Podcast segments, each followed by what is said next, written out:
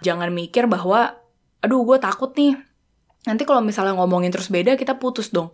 Ya, memang tujuannya untuk ngecek sih apakah kalian berdua compatible atau enggak gitu. Dan memang hubungan ini harus dibahas. Uh, gue mau bahas tentang salah satu topik yang sering banget ditanyakan ke gue oleh teman-teman gue nih yang uh, udah pacaran tapi masih belum tahu nih meritnya kapan gitu jadi masih cek-cek ombak gitu ya sama pasangannya uh, dan salah satu pertanyaan yang paling sering ditanya adalah kalau misalnya ada beberapa topik yang harus diomongin sebelum kita menikah. Gimana caranya gue bisa ngomongin itu tanpa kelihatan terlalu straightforward gitu. Jadi mungkin bikin takut pasangannya kayak terlalu frontal nanyanya terus jadi kayak back off gitu ya pasangannya. So, di episode ini gue mau ngebahas uh, eh, 5 topik mungkin tabu untuk dibicarain saat lo masih pacaran di awal, tapi memang harus kalian ketahui informasinya. Terus juga gimana caranya untuk uh, mencari tahu dengan cara yang lebih tidak frontal dan bikin pasangan lo kayak back off tiba-tiba gitu ya, takut ditagih nikah cepet-cepet gitu maksud gue. Nah, lima topik yang akan gue bacakan ini adalah soal anak, mau tinggal di mana, role di dalam keluarga, yang keempat peran keluarga kita masing-masing, dan yang kelima adalah isu kontroversial. Pertama, gue mau bahas soal anak. Di sini gue nggak mau ngomongin soal salah atau benar, mana yang lebih mendingan, apakah child free atau enggak, karena gue memang nggak bisa kasih one answer for all. Soalnya isu ini ya memang bener-bener tergantung sama prinsip setiap orang. Tapi kalau misalnya memang lu melihat pasangan lu sebagai potensial untuk kalian berdua menjalani atau merajut hidup bersama-sama, ya ini harus diomongin. Karena banyak loh pasangan yang memang nggak yakin mau punya anak. Tapi along the way mungkin karena mikirnya oh ya udah gue juga nggak yakin dia juga nggak yakin ya ngapain dipaksa cari jawabannya sekarang pas gue masih pacaran gitu. Dan akhirnya ya udah mereka berharap dengan hati yang baik gitu ya ya udah ntar juga nanti pas kita nikah we will work it out gitu. Cuma situasi yang terjadi adalah, apalagi ketika Anda tinggal di Indonesia gitu, mulailah muncul beberapa pressure nih dari keluarga, entah itu keluarga si pria atau keluarga si wanita atau mungkin keluarga besar di mana tante-tante dan om-om annoying tuh pada bacot dari kondangan. Dan di situlah akhirnya tension terjadi. Biasanya tuh perempuan yang kena di pojokan di mana uh, selalu ditanya, eh udah nikah ya, aduh udah berapa bulan, kapan nih punya momongan? Nah mungkin berapa bulan awal itu masih lucu ya, itu jadi basa-basi. Tapi kalau misalnya memang belum dapet jawaban soal anak, itu bisa jadi pertengkaran nantinya antara kalian berdua gitu. Nah, balik ke soal anak dan bagaimana ngobrolinnya sama pasangan. Menurut gue, e, cara ngomongnya ya mungkin tergantung dinamika lu sama pasangan sendiri ya kayak gimana. Tapi di mata gue sih kalau memang lu um, takut dianggap nodong anak, ya jangan nanya langsung, eh lu mau punya anak atau enggak gitu kan. Uh, tapi ya mungkin bisa ngulik-ngulik dari sedikit tentang background keluarganya. Atau misalnya pas lagi lu ngeliat ternyata pasangan lu nih datang dari keluarga besar gitu ya. Maksudnya keluarganya, omnya, tantenya, papa mamanya punya banyak anak gitu. Ya mungkin bisa iseng-iseng coba nanya dari situ kayak, ternyata keluarga lu gede juga ya. Berarti emangnya uh, keluarga lu tuh seneng ya sama keberadaan keluarga besar gitu. Dan ya iseng-iseng aja tanya casual bisa tentang nanya, oh kalau lu sendiri gimana kayak lu nanti kalau misalnya punya keluarga gitu, lu kepikiran kayak gitu juga nggak? Dan make it as if itu bukan sebuah judgment gitu ya, bukan kayak lagi penjurian nih lu salah atau bener jawabnya. Kalau misalnya nggak sesuai sama jawaban gue, bakal gue putusin. Jangan bikin vibe itu juga gitu loh. Karena di sini kan purpose-nya lu cuma mau lihat aja kan kalian berdua ada di page yang sama atau enggak gitu soal anak. Dan yang kedua adalah soal mau tinggal di mana. Nah, mungkin konsepnya sama sih seperti anak gitu ya. Nanyanya tetap yang casually sambil campur dengan observasi lu tentang pasangan saat dia berinteraksi sama keluarganya gitu. Atau misalnya pas lagi dengerin cerita dari uh, saudara-saudaranya atau sepupunya dia gitu ya, misalnya nikah, ya dari situ lu bisa bawa small case study yang nggak terlalu serius-serius amat, tapi lu masih bisa tetap dapet bayangan tentang apa yang pasangan lu pikirkan ya. Tentang tinggal sama orang tua atau tinggal sama mertua. Dan dari sini tuh biasanya uh, berhubungan sama urusan ngejagain orang tua. Dan ini nanti akan lanjut nih ke poin yang berikutnya. Cuma urusan mau tinggal di mana saat nanti menikah ini sebenarnya nggak ada salah nggak ada bener ya gitu. Sama seperti soal anak. Karena itu something yang prinsipal uh, tergantung juga dinamika keluarga pasangan lu dan juga lu seperti apa. Dan ada loh maksudnya anak-anak yang lahir sebagai uh, sandwich generation atau misalnya mereka memang ada di posisi di mana financially dia yang lebih capable untuk menjaga orang tuanya gitu. Dan ya di situ lo nggak bisa langsung tarik item atau putih sih dari case itu Nah ngomongin soal mau tinggal di mana sebenarnya gue sama Albert tuh sempet uh, ngomongin ini di segmen ngobrol sama suami uh, dan di sana kita memang ngebahas lebih detail lagi sih soal komunikasi sama pasangan ntar kayak gimana, ngomongin soal strateginya, ngomongin soal deadline-nya dan uh, ya hopefully nantinya nggak bantu kalian sebagai pasangan agar lebih kompak dalam mengatasi topik yang satu ini.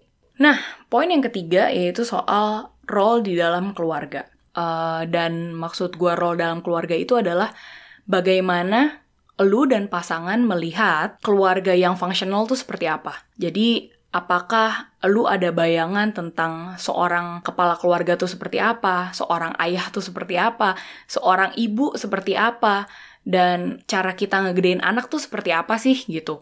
Menurut gue, sebelum kejauhan ngomongin mau ngegedein anak kayak gimana, kalau lo mau punya anak misalnya, uh, sebenarnya ini gampang banget dilihat dari cara lu dan juga pasangan lu berinteraksi dengan papa atau mamanya. Kenapa ini penting? Karena menurut gue, uh, secara tidak sadar, kita tuh mengharapkan atau memperlakukan hubungan kita nanti itu sama seperti apa yang sudah orang tua kita lakukan. Dalam contoh seperti ini, misalnya bokap gue itu selalu jadi tulang punggung keluarga. Terus nyokap gue itu tugasnya selalu di rumah gitu ya ngurusin anak. Nah, kalau misalnya gue ngeliat cowok yang nggak kerja, tapi dia jadi stay at home dad, terus istrinya kerja. Nah, itu gue akan sangat mudah untuk ngejudge pasangan itu. Dalam artian gue akan langsung mikir, gila, muka lu mau taruh di mana jadi cowok? Nggak ada harga diri banget.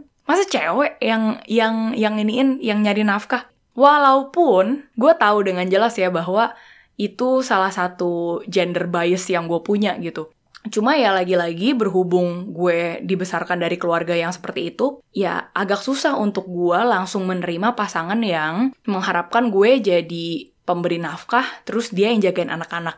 Nah, itu contohnya gitu ya. Dan masih banyak contoh atau kombinasi tentang peran ibu dan ayah di keluarga pasangan masing-masing. Yang kayak gitu-gitu sebenarnya harus banget diobrolin karena ada beberapa orang di sekitar gue yang pas udah nikah tiba-tiba beranteminnya hal di mana ceweknya shock cowoknya kok nggak bolehin dia kerja gitu saat nanti punya anak. Cuma di mata gue hal itu tuh bisa banget lu bahas dengan santai nggak perlu bawa darah saat lo lagi pacaran. Jangan sampai hal kayak gini jadi surprise. Dan gue pun melihat beberapa case di mana orang tuh bisa jadi cerai karena persoalan ini gitu ya. Dan saat mereka cerai, ya mau dibilang ini salah apa enggak, atau salah siapa, ya nggak bisa ngomong karena lagi-lagi ini soal prinsip kan gitu. Ya kalau misalnya sebagai perempuan ya, lu udah tahu nih, lu bukan tipe cewek yang bisa jagain anak terus di rumah. Kan ada orang yang memang perlu uh, dibagi waktunya dengan bekerja gitu ya. Tapi ada juga orang yang memang enjoy waktunya bersama anak-anaknya gitu. Bukan berarti tapi nggak stres ya. But anyway, you get my point gitu. Nah, tergantung lu lah maksudnya preferensinya di mana. Kalau lu udah tahu lu tipe yang yang tadi yang gue sebut gitu. Ya jangan cari cowok gitu ya yang pengen hal yang bertolak belakang sama lu. Karena itu something yang nggak bisa langsung berubah dalam sekejap gitu pendapat-pendapat prinsipal seperti ini. Dan kalau misalnya memang udah sampai saklek banget nggak ketemu di tengah, ya mau nggak mau harus dibubarkan sebelum nantinya lu bubarnya pas lagi udah nikah. Itu kan biayanya lebih mahal ya bun. Dan cara ngobrolin soal role di dalam keluarga ini ya nggak usah yang kayak interview juga lagi-lagi ya, balik seperti prinsip di awal-awalnya. Karena lu bisa dengan mengobservasi bagaimana dia memperlakukan ayahnya atau ibunya atau misalnya uh, gimana ayahnya ngetrit ibunya, bagaimana ibunya ngetrit ayahnya, bagaimana ayah dan ibunya ngetrit anak-anaknya dan itu memang takes time sih. Itu membutuhkan waktu untuk lu bener-bener bisa mendapatkan bayangan yang sesungguhnya gitu kira-kira. Karena kan kalau misalnya baru awal pacaran, pasti semuanya disuguhkan dengan baik, dengan image yang uh, tidak buruk-buruk amat, yang nggak terlalu memperlihatkan kekurangan keluarga, dan itu wajar. Tapi lagi-lagi kita jadi orang ya harus ngelihatnya objektif ya. Jangan terlalu kebawa emosi dan memang yang namanya cinta itu ya harus juga pakai logika gitu karena itu kan sebuah investment ya untuk lu misalnya mau berkomitmen sama seseorang dalam jangka waktu yang panjang and hopefully selamanya. Uh, jadi itu tadi poin yang ketiga. Dan poin yang keempat masih dalam ranah keluarga, yaitu tentang peran keluarga masing-masing di dalam hubungan lu. Contoh-contohnya yang bisa gue berikan misalnya, lu atau pasangan adalah anak satu-satunya di keluarga. Terus nanti kalian menikah ekspektasi apakah yang akan terjadi di antara orang tua kalian masing-masing saat nanti kalian lebih serius dan juga akan menikah nanti. Nah ini obrolannya memang masih jauh banget ya kalau misalnya kalian baru pacaran ya sama, sama orang ini. Tapi biasa yang terjadi adalah pas lagi muda mau mendekati hari pernikahan, ego dari keluarga masing-masing tuh kelihatan. Keluarga lu, misalnya lu anak pertama gitu ya, eh anak satu-satunya gitu ya. Ego keluarga lu ya mikirnya ya gue maunya ritualnya seperti ini, ini, ini. Ini kan anak gue satu-satunya ya, gue mau ngeraka, ngerayainnya kayak gini dong. Dan begitu juga dengan keluarga yang di seberang. Dan gue ngeliat itu dari teman-teman gue yang uh, kerja jadi WO gitu, dan biasanya adalah cerita-cerita seperti itu. Atau mungkin misalnya dia datang dari keluarga yang cukup dysfunctional. Dalam artian ya toxic banget dan udah kayak gitu keluarganya cukup berantakan. Bukan cuma papa mamanya tapi keluarga besarnya juga atau misalnya keluarga besarnya tuh bener-bener have a lot to say ke keluarganya pasangan lo nih. Nah itu juga nanti pas lagi mendekati hari H atau udah mulai-mulai mau serius, masalah-masalah itu akan muncul sebenarnya di sini mau gue bilang diomongin yang gimana banget juga nggak gitu bisa ya. Karena kan ini something yang sebenarnya lu akan lihat seiring berjalannya waktu. Tapi dari case gue sendiri walaupun gue tahu gue nggak bisa mengatur atau mendapatkan jawabannya langsung nih tentang faktor keluarga masing-masing ke hubungan kita cuma gue bisa pelan-pelan bikin PR gitu tanda kutip ya nyicil beberapa hal atau beberapa deal breaker yang gue taruh buat diri gue dan juga buat diri pasangan gue. Nah, deal breakernya tuh apa sih kalau gue gitu ya? Kalau misalnya gue dapet pasangan gitu ini sebelum menikah, kalau gue dapet pasangan yang nggak punya pendapat untuk dirinya sendiri gitu ya, jadi semuanya ditentukan oleh orang tuanya, entah itu mamanya atau papanya, terus dia nggak bisa jadi jembatan untuk gue dan keluarganya. Nah itu udah udah bye bye udah nggak akan gue lanjutkan seberapa sayangnya gue menik keluarga atau sama pasangan gue ya gue nggak akan menjalani atau melanjutkan hubungan yang lebih serius kalau gue tahu dinamika keluarganya seperti itu. Gue tahu mungkin ini terdengar serius ya, mungkin untuk kalian yang masih baru-baru awal pacaran, yang mungkin masih dalam fase honeymoon, ya agak susah untuk membayangkan seberapa gentingnya ngomongin poin yang satu ini. Tapi believe it or not, kalian harus rajin-rajin observasi soal soal faktor keluarga masing-masing ke dalam hubungan kalian. Biar nanti jangan pas udah mau serius, kalian pikir kayaknya, wah everything is fine, everything is good. Terus tiba-tiba pas lagi mau um, ngurusin peritilan pernikahan dan segala macem ya, nggak taunya ego keluarga masing-masing membludak dan kalian berdua nggak bisa nggak bisa handle itu gitu secara kompak sebagai pasangan. Kan sayang ya gitu. Karena itu hal yang sebenarnya ya lu nggak usah nunggu itu meledak sih. Dan dan yang namanya pernikahan itu nggak perlu preparationnya nggak perlu ada drama juga gitu. Nah yang paling terakhir adalah poin tentang isu kontroversial. Isu kontroversial yang gue maksud di sini adalah meliputi soal entah itu agama, entah itu soal politik, entah itu tentang sosial politik, entah itu tentang ras, entah itu tentang uh, homoseksualitas, entah itu soal sorga atau neraka, entah itu tentang filosofi hidup. Dan menurut gue itu penting soalnya gue jadi bisa tahu juga kalau misalnya one day gue akhirnya mau punya anak sama lu, nanti lu gedein anak kita seperti apa gitu loh. Dan juga menurut gue hal-hal seperti ini tuh juga bisa ketahuan gitu dari cara kerja pasangan lo nanti. Uh, gue pakai contoh ekstrim nih. Misalnya pasangan lo tuh politiknya yang right wing gitu. Dan uh, saat dia kerja, dia don't mind melakukan apa pun itu yang penting bawa profit. Nah ini bukan ngomongin salah bener ya by the way, tapi gue cuma state fakta itu aja gitu. Sedangkan lu kebalikannya, lu tuh left wing as fuck By the way, left wing bukan berarti komunis ya, teman-teman.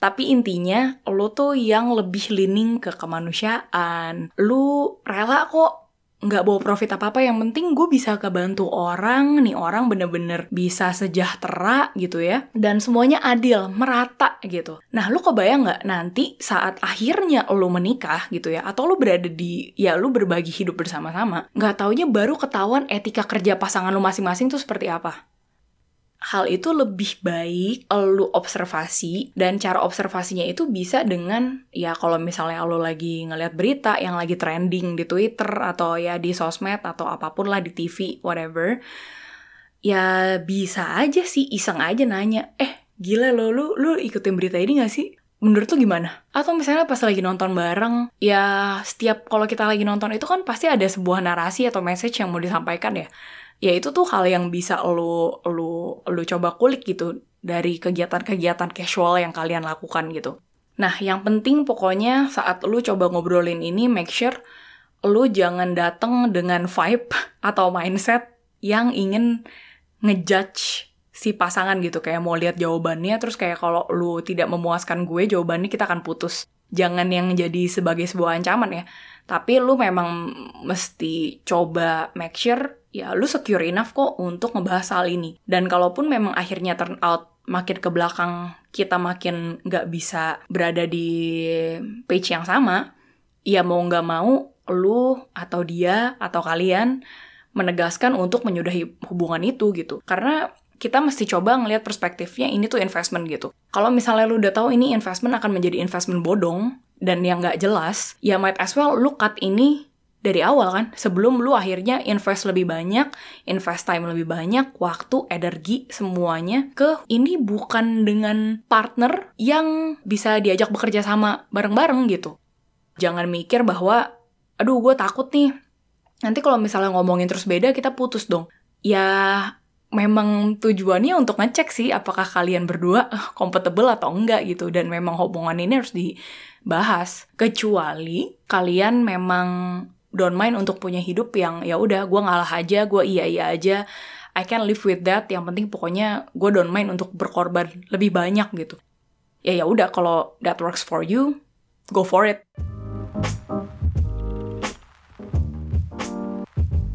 uh, minggu depan kita akan ngebahas soal refleksi gue lagi tentang relationship dan kali ini tentang kesalahan-kesalahan atau mitos tentang relationship yang sempat gue percayai tapi sebenarnya ya agak bullshit sih.